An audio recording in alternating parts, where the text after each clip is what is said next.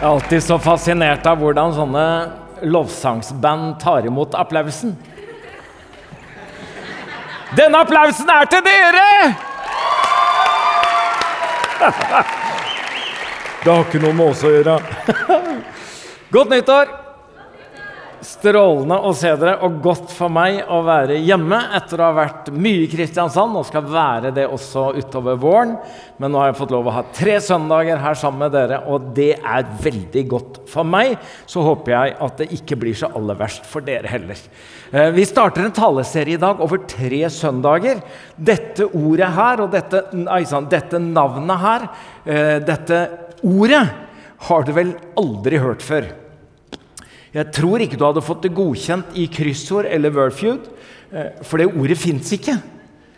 Men eh, jeg syns det var veldig fint. Også når jeg så den illustrasjonen, så tenker jeg at dette virker litt som hjertekirurgi. Og jeg tror det er akkurat det det skal være. Det er litt sånn hjertekirurgi over tre søndager. Du vet, Det er utrolig mange ord som slutter på ologi. Da kjenner du på arkeologi og biologi og geogoli, geol, geol, Ideologi og psykologi og sexologi og teknologi og teologi. Og så tenker du hvorfor er alle de ordene sånn at de slutter på Jo, rett og slett fordi ologi betyr jo læren om. Og siden disse tre søndagene handler om kjærlighet, og vi skal prøve å løfte fram noen perspektiver på kjærlighet fra Bibelen, altså lære om kjærlighet i et bibelsk perspektiv, da kan vi vel like så godt kalle det kjærlighetologi. Det syns jeg er helt strålende funnet på, Svartdal. Takk skal du ha.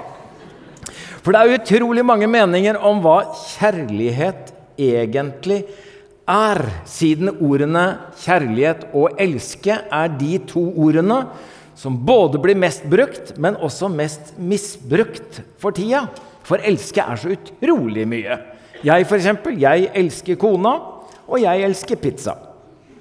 Jeg elsker Gud, og jeg kan elske den låta eller den artisten. Det er samme ord, men det er jo helt forskjellige virkeligheter. For på norsk har vi jo bare ett ord for kjærlighet. Det er kjærlighet. Grekerne var litt mer oppfinnsomme, så de hadde flere ord for ulike former for kjærlighet. Sånn at når du hørte det ene eller det andre ordet, så så du for deg hva dette handlet om. Og de tre ordene som vi bruker disse tre søndagene, er filos, som står for den medmenneskelige kjærligheten, eros, som er den fysiske kjærligheten, og agape, den guddommelige kjærligheten. Skal vi be sammen?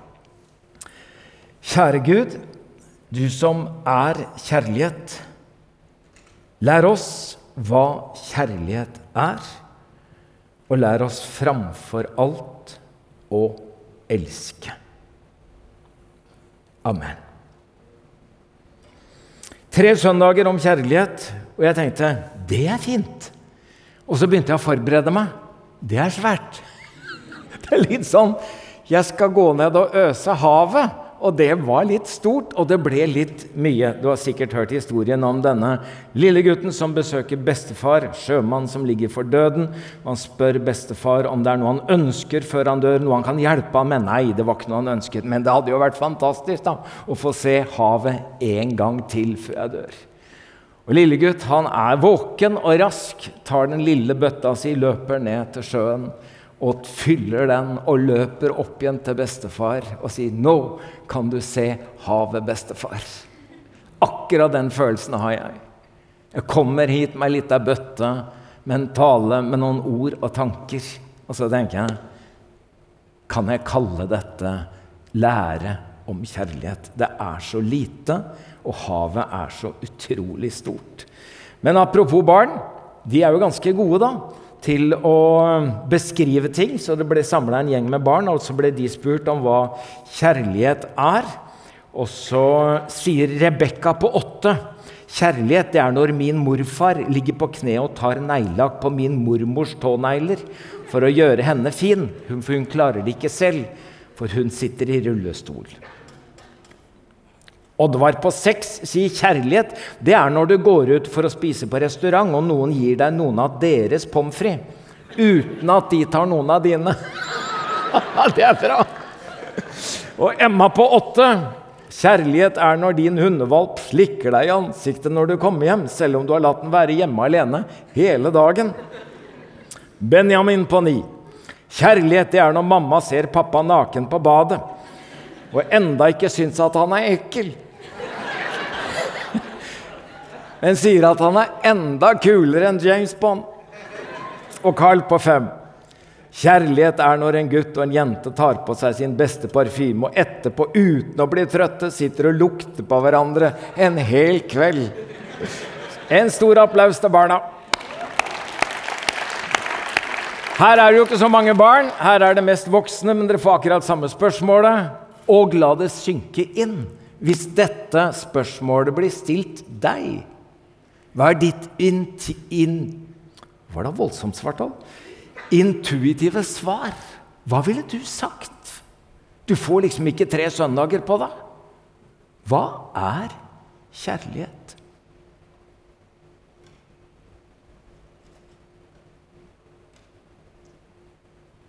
Det spørsmålet som alle stiller, kanskje noe av det viktigste, men også noe av det vanskeligste. Ja, for hva er egentlig kjærlighet? Det er jo ikke en idé, det er ikke en teori, det er ikke en filosofi, men det er selve livet. Kanskje selve livskraften. For alle historier om mennesker er dypest sett kjærlighetshistorier. Livet er et kjærlighetsdrama. En fransk filmregissør som sa at hvis bare 99 filmer av 100 handler om kjærligheten, så er det én for lite. En norsk filosof på et program som jeg så, ble spurt hva er meningen med livet. Så svarer filosofen meningen med livet det må være kjærlighet, for bare der det er kjærlighet, er det meningsfylt liv. Det er godt sagt. Bare der det er kjærlighet, er det meningsfylt liv. Og Da kan du ikke begrense kjærlighet til bare å gjelde kjærestekjærlighet, som om det er bare noen få som opplever meningen med livet. Men da må kjærlighet ø, omfatte alle kjærlighetsfylte relasjoner. For kjærlighet oppstår bare i relasjoner. Og siden kjærlighet er meningen med livet, og den bare oppstår i relasjoner, så er relasjoner det viktigste livet gir oss. Jeg har jo fulgt noen på dødsleiet inn mot det siste.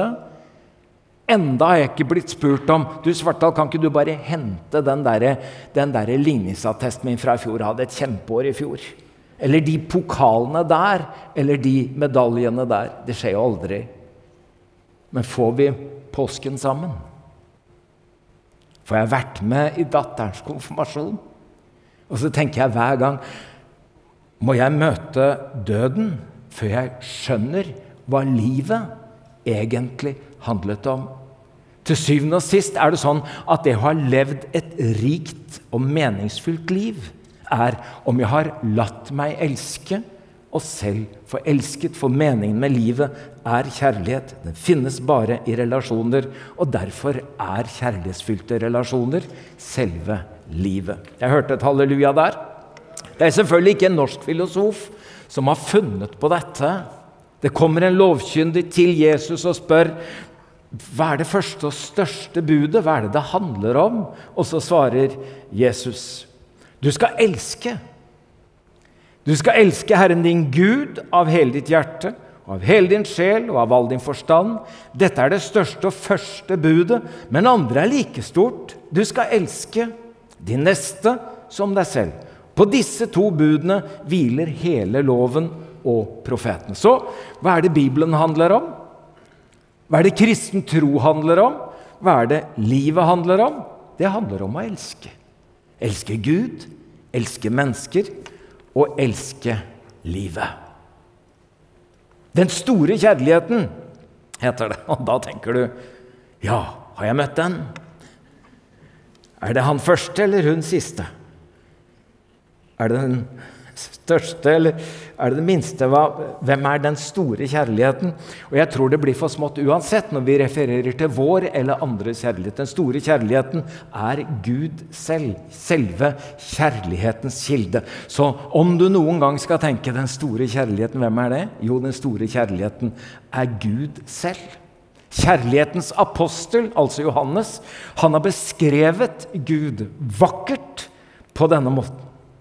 Mine kjære, la oss elske hverandre, for kjærligheten er fra Gud, og hver den som elsker, er født av Gud og kjenner Gud. Den som ikke elsker, har aldri kjent Gud, for Gud er kjærlighet. Og hvordan vet vi og kan tro at Gud er kjærlighet? Fordi Gud er et vi.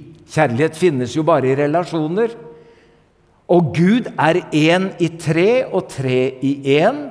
Gud Fader, Gud Sønn og Gud Hellige Ånd. Og de er en kjærlighetsrelasjon. Én i tre. Gud er altså et vi. Og dette vi skaper ikke oss fordi Gud behøver oss, for Gud har alle behov oppfylt i seg selv. Men kjærligheten har det i seg at den vil gi, og den vil dele.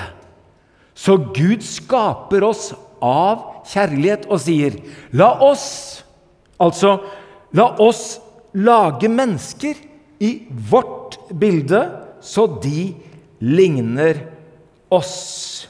Så vi er født og skapt av den store kjærligheten til å elske Halleluja. Så tenkte du i stad hvem er den store kjærligheten? For de aller fleste er den første store kjærligheten som bare trigger dette i oss, vår egen mor. Det er jo fantastisk at den der melka er plassert akkurat der, hvor jeg for kroppen kan drikke det jeg trenger fysisk, samtidig som jeg ser inn i øynene til hun som antageligvis elsker meg overalt på jord, uten at jeg har gjort en skitt det har jeg jo for så vidt gjort. Men eh, akkurat det er noe vakkert. For den store kjærligheten er jo nettopp det at jeg møter kjærlighet. Og denne kjærligheten jeg møter, skaper noe i meg, hvor jeg får evnen og trangen til å elske. Mange kjenner C.S. Lewis fra Narnia-bøkene, mest kjent for det. Han har skrevet 30 bøker eh, om forskjellige temaer. Eh, og han ga ut en bok i 1960 som heter 'The Four Loves', eh, som egentlig handler om de fire grekiske ord om kjærlighet. Vi har valgt ut bare tre av de. Men denne C.S. Lewis ja, Det merkes jo at boka er skrevet i en annen tid. Eh, den, den, kom ut i 1960, og den er skrevet fra et annet sted. Men refleksjonene til C.S. Lewis de er verdt å få med seg. Den kom på norsk så sent som i 2019, eh, så her er det noen refleksjoner, litt sånn store linjer, som virkelig er verdt å hente. Og denne C.S. Lewis han tar tak i utgangspunktet, rett og slett dette vi møter når vi legges ved mors bryst eller mors og fars omfavnelse, og kaller det behovskjærlighet. For barnet er jo avhengig av mor, far, eh, og dermed oppstår et kjærlighetsforhold. Og mor er avhengig av barnet, for hvis ikke barn har det bra, så har heller ikke mor det bra. Så det er et gjensidig avhengighetsforhold. Og sånn kan også forholdet til Gud være. Jeg er avhengig av Gud, derfor elsker jeg Gud, som har elsket meg først. Altså det han kaller for behovskjærlighet. Og så snakker han om gavekjærlighet, denne kjærligheten som egentlig ikke er noe den skal oppnå eller få, men den har dette i seg som den opphavlige kjærligheten hos Gud, at det er den kjærligheten som gir, og gir uten tanke på hva den får tilbake, altså gavekjærligheten. Og Det var dette C.S. Lewis tenkte dette er beskrivelsen av kjærlighet. Men så savnet han et perspektiv, og fikk med seg dette perspektivet i det han kaller da den verdsettende kjærlighet. Det er denne som jeg ikke trenger og dette som jeg ikke skal bruke til noen ting. Jeg kan stå i skaperverket, bare å betrakte. og beundre. Wow! Kan stå foran et kunstverk og tenke Er det mulig? Altså, jeg elsker det jeg ser, kanskje musikk, det jeg hører. Jeg skal ikke forandre det. Jeg skal ikke bruke det. Jeg trenger det heller ikke. Men jeg verdsetter det. Jeg tror at i den rene tilbedelsen er det der vi er. Gud, det er ikke noe jeg skal ha.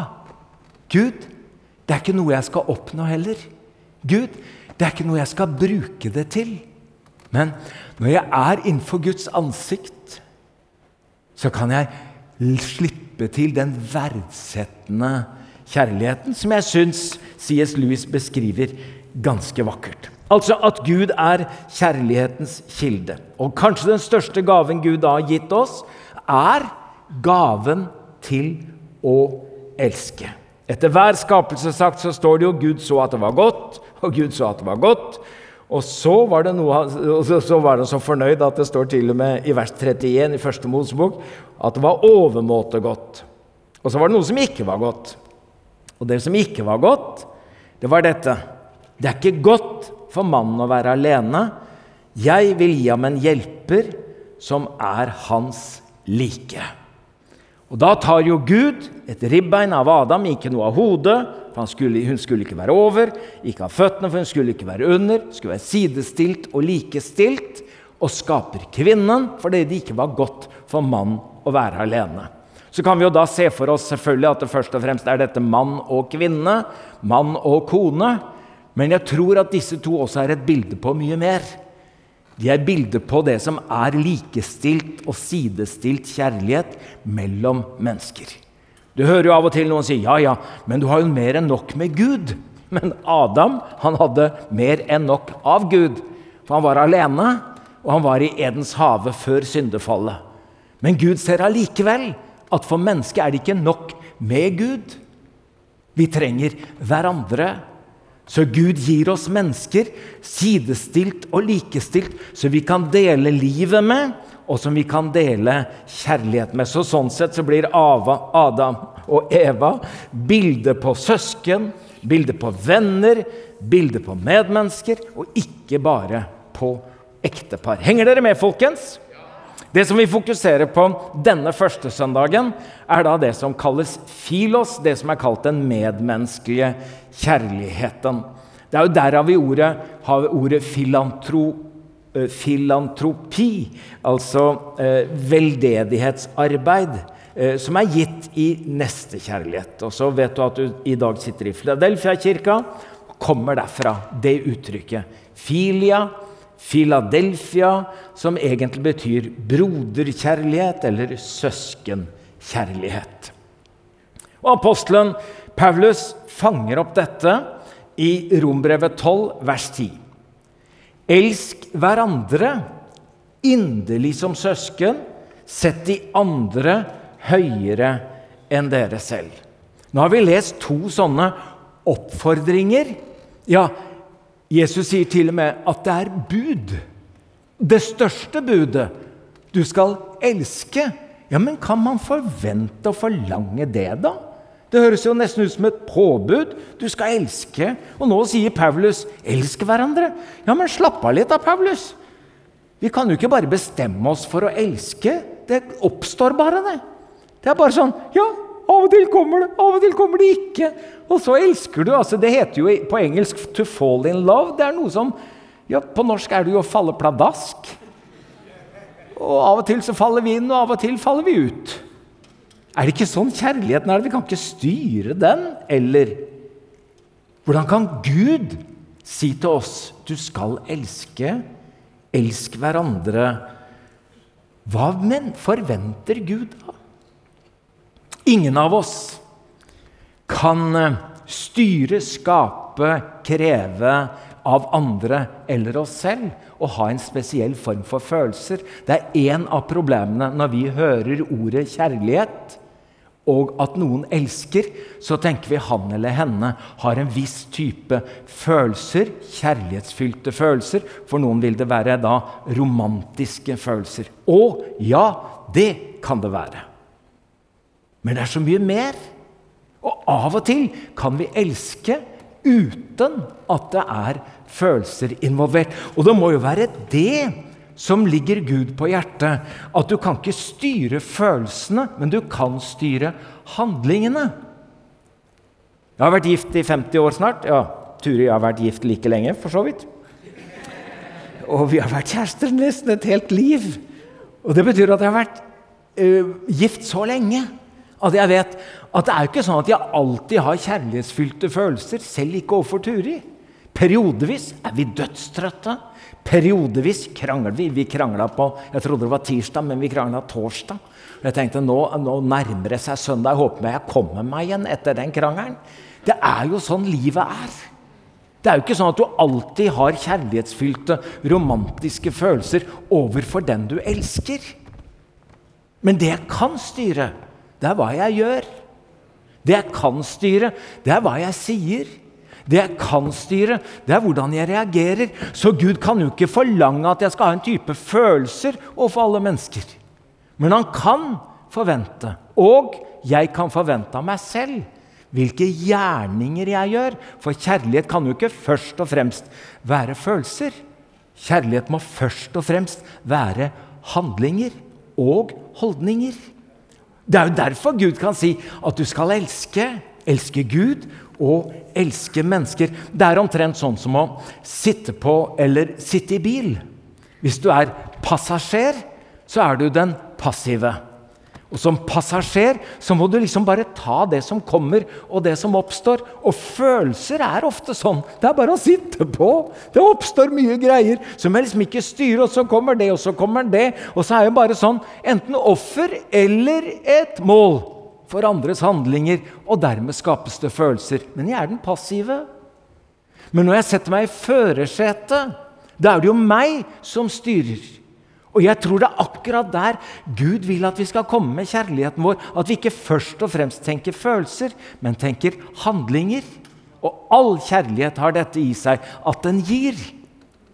Og den gir ikke hva som helst, men kjærligheten gir seg selv til den andre. For så høyt har Gud elsket at han Ja, ikke selvutslettelse, men det finnes noe som heter selvoppofrelse. Han elsket ikke så høyt at han følte eller at han sa, men at han ga, og Gud ga seg selv. Jeg har jo vært pastor i 100 år, så jeg har jo hatt gleden av å vie en hel del folk. Kanskje jeg vier noen av dere som er her også. Og Da pleier vi å ha en vigselsamtale, og så er et av de bildene jeg bruker da en sånn vigselsamtale, det er om et bål. Og Da pleier jeg sjelden å spørre brenner det. Det gløder og lyser av dem. Det er jo bare et dumt spørsmål. Det er bare, Skjønner du ikke hvorfor vi skal gifte oss, eller? Det er jo fordi at det er jo bare så hett. Og Da prøver jeg da å si da at den kjærligheten dere har til hverandre i dag, uansett hvor sterk er, den varer ca. to-tre år. To-tre år? Nei, den skal jo vare livet ut. Nei, kjærligheten er ikke helautomatisk. Den kjærligheten dere har i dag, den varer to-tre år. Hvis den er forbudt, varer den av og til litt lenger.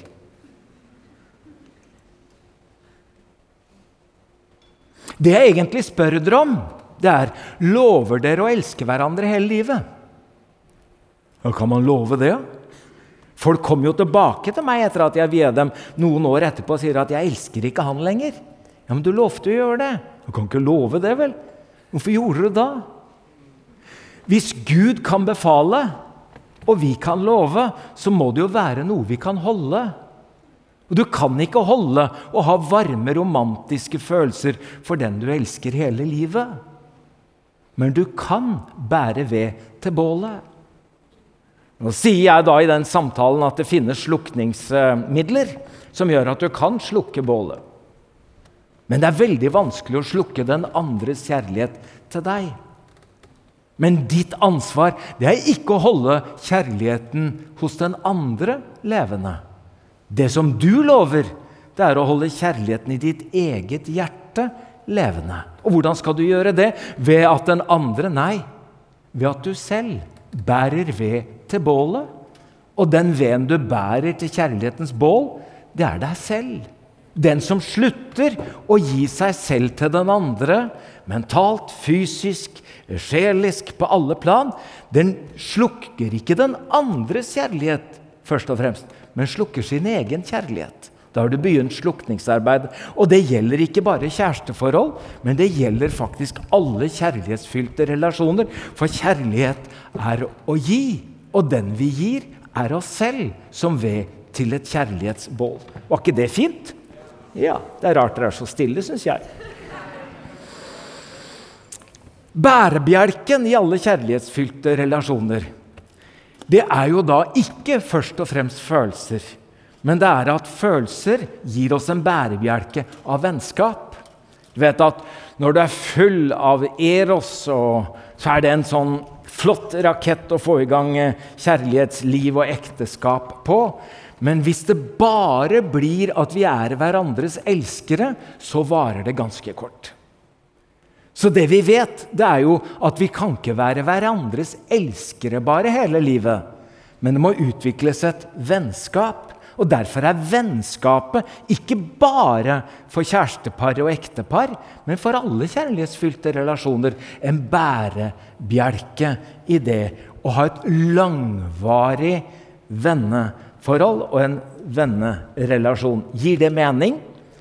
Det betyr at Turi først og fremst er min livskamerat. Det er jo denne godeste C.S. Louis som sier at eh, Eros vil ha nakne kropper, mens Filos vil ha nakne personligheter. Jeg tror ikke det bør være enten-eller. Jeg tror det går an å kombinere. Men han sier Elskere de står ansikt til ansikt for de er opptatt av hverandre. Mens venner står side om side, skulder ved skulder, fordi de er opptatt av det samme. Og alle kjærlighetsforhold, uansett hvor hardt det brenner, så blir du lei av bare å være opptatt av den andre. Sammen må vi være opptatt av noe mer og noe større hvis vi skal få utvikla et venneforhold som gjør at vi har en bærekraftig relasjon. Er det greit, folkens? Derfor så løfter jeg fram vennskapet i dag, ikke fordi at det bare er én del, men jeg tror at det ofte er en slags bærebjelke i alle kjærlighetsfylte relasjoner. Du lurer sikkert på hvem dette er. Den ene er Håkon Jahr, som er da leder forstanderteamet vårt, og den andre er meg. Det ser ut som vi sitter på Grini på en eller annen slags fangeleir. Men uh, vi er i pysj, og den gangen så tror jeg vi skulle kombinere pysj og caps. Egentlig bare beskriver jeg dette fordi at vi som familie kom til Oslo da jeg var ti år gammel. Så begynte vi å gå i Filadelfia-kirka. Der møtte jeg Håkon bl.a., og vi ble nære venner. Og Dette vennskapet utvikla seg. Vi ble etter hvert fire. Vi kalte hverandre til sammen oppad når vi møttes. Og så har vi krangla, og så har vi vært fra hverandre i perioder. Men det har vært et slags bærekraftig fellesskap, et vennskap, som har gitt oss utrolig mye. Roar døde for ti år siden. Og Da skulle man jo tro ja, da er vi bare tre, så da blir det jo litt mer på alle. Men det vi erfarte, det er at det Roar fikk fram i Håkon, og det Roar fikk fram i Pål, det mista vi når Roar døde. Så det er ikke bare at det blir mindre sånn at andre får mer. Men alle får litt mindre, for vi får litt mindre av hverandre. For venner har dette i seg. At de får fram noe i oss som ulike mennesker får. Og derfor syns jeg dette er utrolig vakkert. Et vakkert vennskap som har vært varig. Og jeg tenker, hva er det som kjennetegner ikke vårt vennskap primært, men alle bærekraftige, men også alle varige vennskapsrelasjoner? Jeg tror at fortrolighet er viktig. En følelse av at han eller henne er noen jeg kan dele både det beste, mine innerste tanker, men også om det verste, uten frykt for at det blir brukt imot meg. Ordspråkene sier en som er svikefull, volder trette. Den som baktaler andre, skiller venn fra venn. Fortrolighet, noen å stole på, det er viktig. Og så handler det om ærlighet. Du vet, det er eh, sånn at de som bare kysser oss opp etter ryggen, de er egentlig ikke glad i oss. De er bare ute etter å bruke oss til et eller annet. For det er en sammenheng mellom ærlighet og nærhet. De ærlige vennene, det er de som sier at 'Egil, du har mat mellom tenna'. Og der hadde du en buse i nesa. Det er jo ikke sånn man elsker å høre. Men gode venner tør å si sånt. For de er ærlige. Håkon, som var da denne vennen som jeg fikk tidlig Da Turi og jeg hadde vært gift i to år, kommer Håkon alvorlig til meg og sier 'Egil, ser du hva som skjer med Turi?' Jeg sier 'Ser du noe med Turi?' 'Ser du ikke hva du gjør med henne, Egil?' Jeg skjønte at han mente alvor. Så sier han når Turi er sammen med oss alene, uten deg ha, Du skulle sett henne. Hun er så festlig. Hun er så fri. Hun bidrar, hun deltar. Når Turi er sammen med oss, sammen med deg, er hun som en blomst som visner. Ser du det ikke, Egil? Jeg tror at Håkon redda ekteskapet vårt. Jeg så det ikke. Vi trenger noen som våger å være ærlige.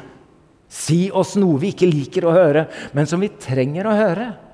Skal vi ha et bærekraftig vennskap som varer, så ligger det i dette med ærlighet. Og så er Det jo sånn at det finnes ingen formelle forpliktelser knyttet til et vennskap, men det betyr ikke på noen måte at det er uforpliktende. Jeg tror det er i vår evne til å forplikte oss at vi vil oppleve at noe som kan bære oss over lang tid og være varig, handler også om trofasthet. Bare noen timer før Jesus døde, så sier Jesus ingen har større kjærlighet enn den som gir livet for vennene sine. Og Da kunne jeg selvfølgelig nå lagt inn kjærlighet som et slags fjerde punkt. Men jeg tror ikke at det er det fjerde punktet. Jeg tror det er det som dekker alle punkter.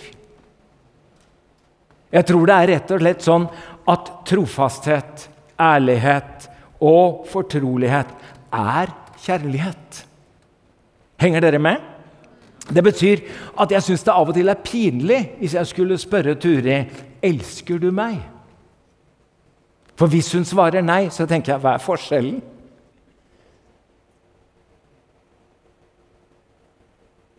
For jeg tror jeg ville levd med henne allikevel. For hva er kjærlighet? Jo, kjærlighet er jo nettopp dette. Fortrolighet. Og så kan du legge til noen andre verdier som du syns er viktig. Det er ikke istedenfor. Og kjærlighet er ikke bare i tillegg til, men kjærlighet er holdninger og handlinger uttrykt. For jeg kan jo ikke forholde meg til et annet menneskes følelse alltid. Men jeg kan forholde meg til det som sies og gjøres i holdning og handling. Ja, det var det jeg hadde tenkt å si om det, folkens. Et av de aller vakreste eh, vennskapene som fins, er vennskapet mellom David og Jonathan i 1. Samuels bok. Det er verdt å lese hvis du har tid i uka som kommer. For det er et vennskap som settes på så utrolig tøffe prøver. Det er nesten utrolig at de kunne fortsette å være venner. Men når de har levd igjennom dette, så skriver David etter at Jonathan er død Jeg sørger over deg, Jonathan, min bror. Du var meg inderlig kjær. For meg var din kjærlighet mer underfull enn kvinners kjærlighet. Håkon Jahr var på møte i gudstjenesten i formiddag. Han satt der nede, så jeg sa til Håkon jeg har ikke sagt så ofte, men jeg sier det nå. Jeg elsker deg. Kanskje vi ikke skulle reservere ordet 'elske' og 'kjærlighet' bare til kjærestepar og ektepar. Kanskje vi skulle våge i større grad å si til gode, nære venner 'Jeg elsker deg'. Og kanskje praktisere litt hellige kyss.